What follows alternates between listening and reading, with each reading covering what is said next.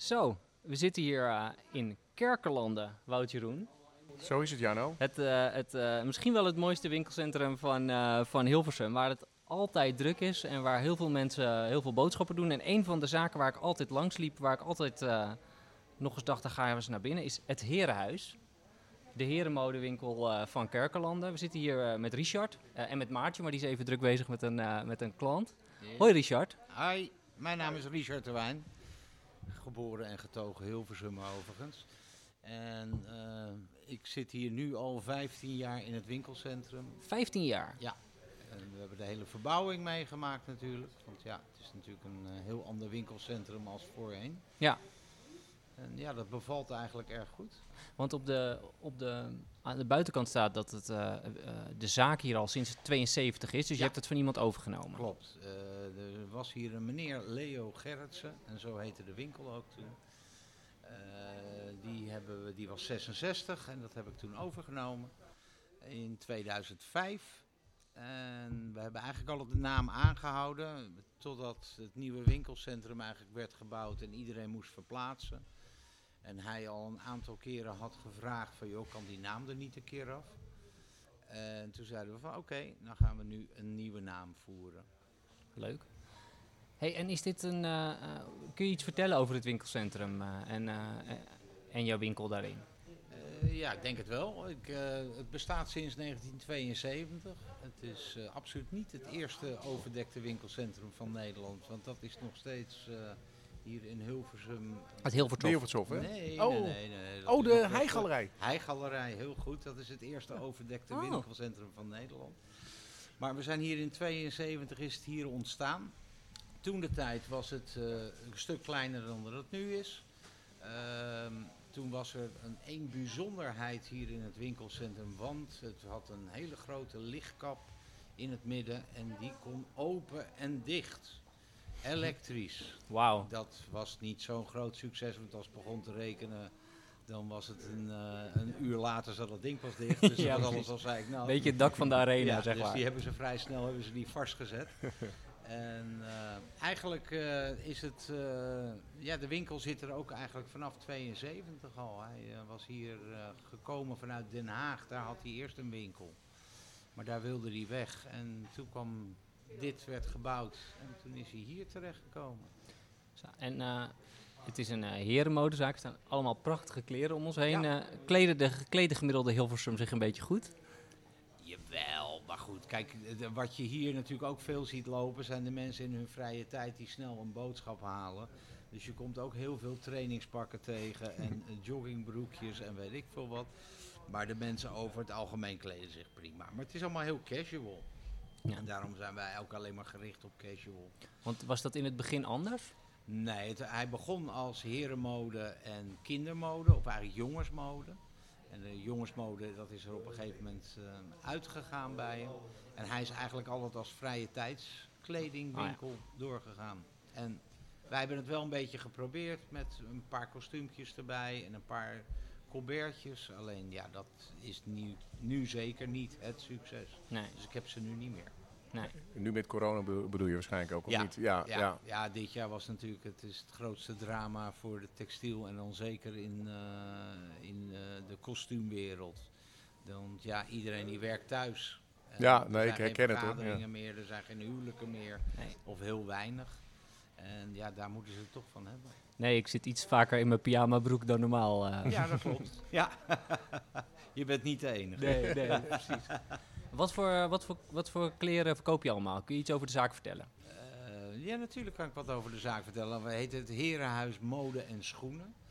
Uh, wij doen ook schoenen erbij, vrije tijdsschoenen natuurlijk. Um, wij zijn een beetje midden tot midden hoog ingesteld, uh, maar ook met dingetjes naar beneden, met betaalbare kleding.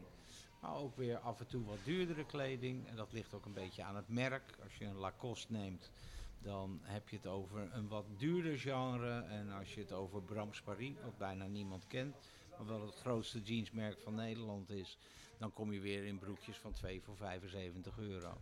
Dus we hebben eigenlijk voor iedereen wat wils. We proberen, het was vroeger wat meer gericht op de oudere man. De 35-plusser zullen we maar zeggen. En tegenwoordig bij de nieuwe winkel hebben we ook merken erbij genomen als Superdry.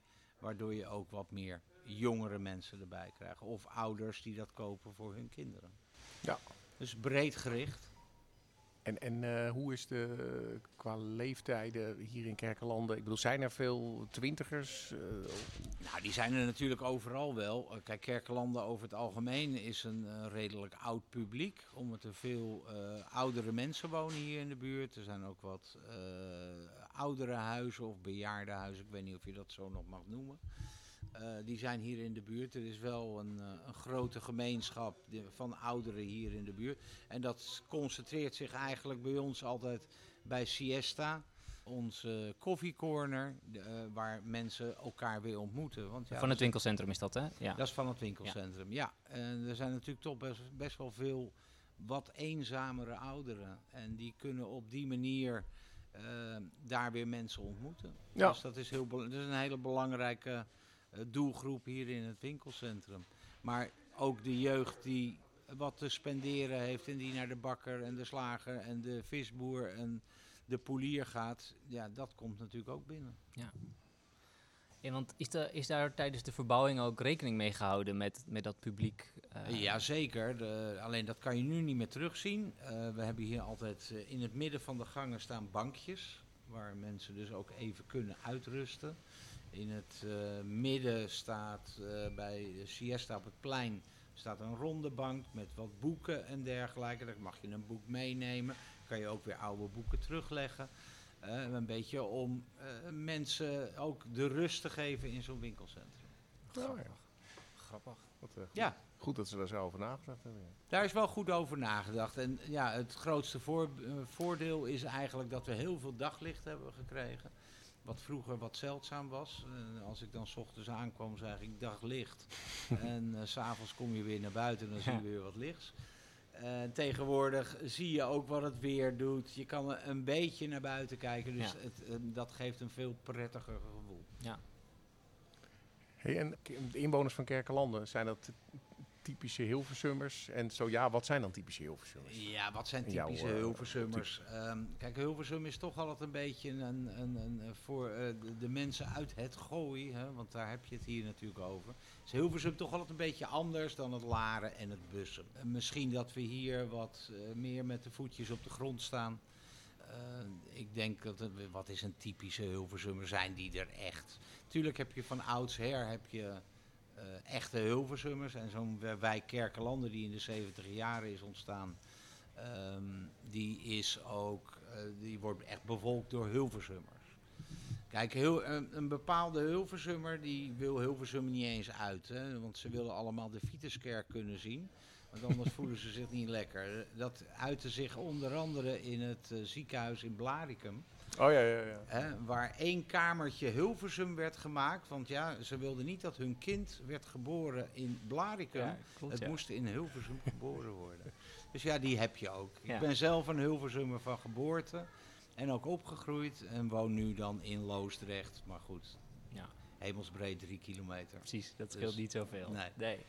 En, en maar opgegroeid ook hier in Kerkelanden dan? Nee, of niet? nee, nee, nee, nee, nee. nee. Uh, vooral in Trompenberg heb ik oh, ja. lang gewoond met mijn ouders. En daarna ooit verhuisd nog naar de Diependaalse Laan, mijn eerste appartementje.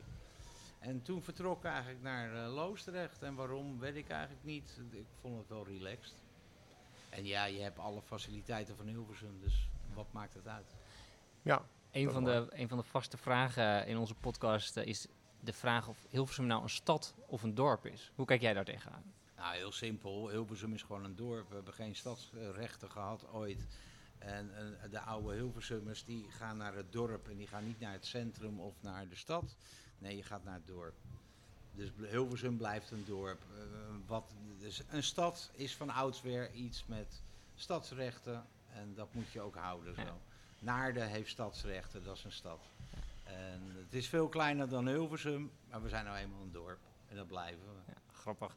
Want uh, Maartje staat hier een beetje toe te kijken. maar jij, uh, jij denkt daar een beetje anders over, of niet?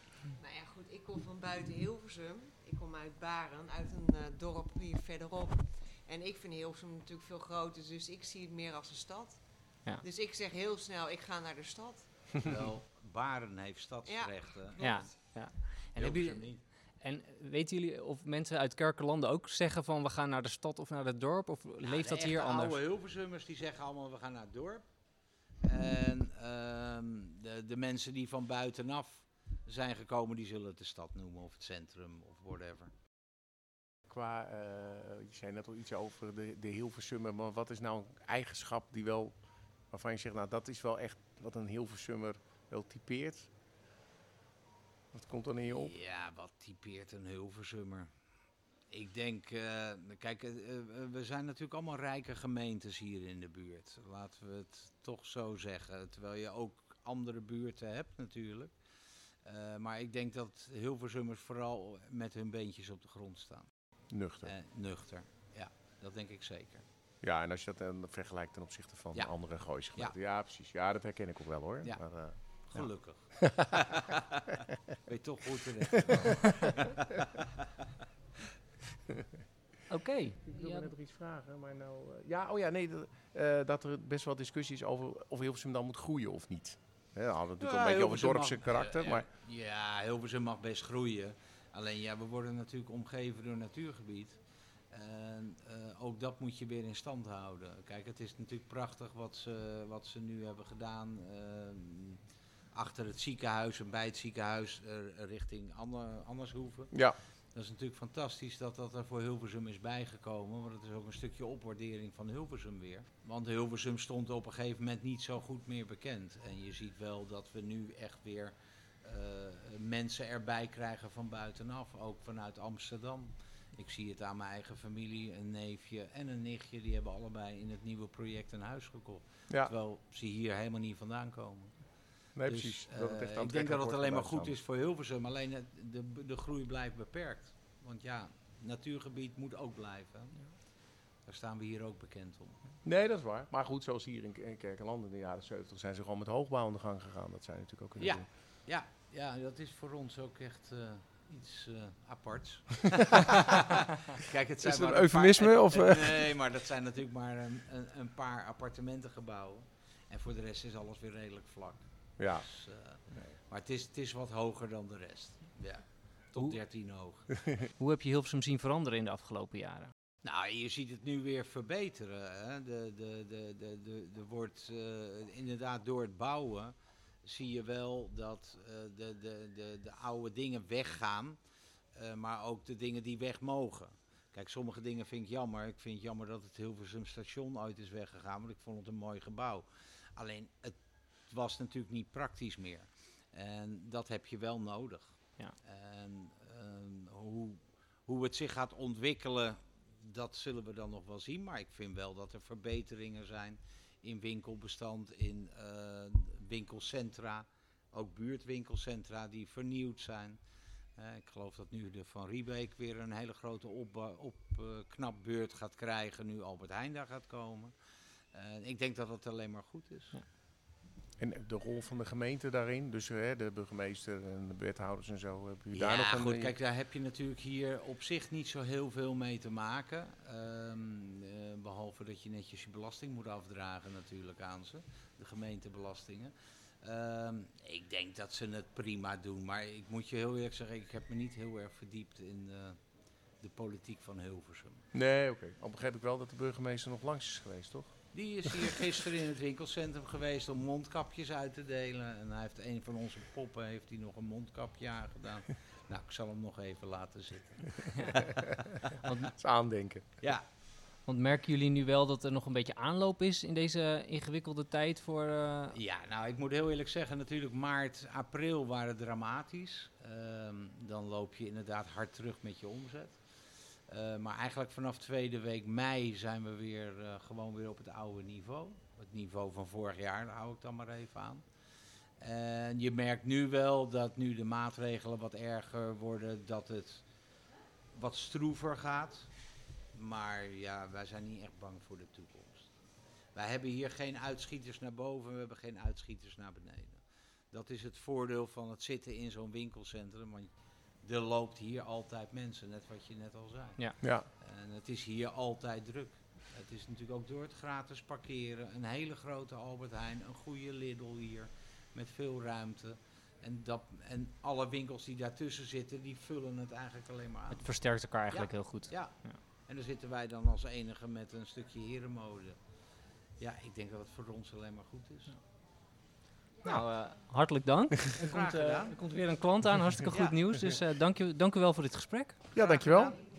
En heel veel succes met jullie eh, podcast. Dit was onze podcast. We hopen dat je het leuk vond. Je kunt ons volgen op Facebook, Twitter en Instagram op typisch Hilversum of typisch 035. Je kunt ons ook een e-mail sturen op typischhilversum@gmail.com. En als je dit nou echt leuk vindt, val dan ook alsjeblieft je vrienden, familie en buren ermee lastig. Luister je dit via Apple Podcast, dan is een review ook erg prettig, want dat helpt andere mensen weer om ons te vinden. Dankjewel voor het luisteren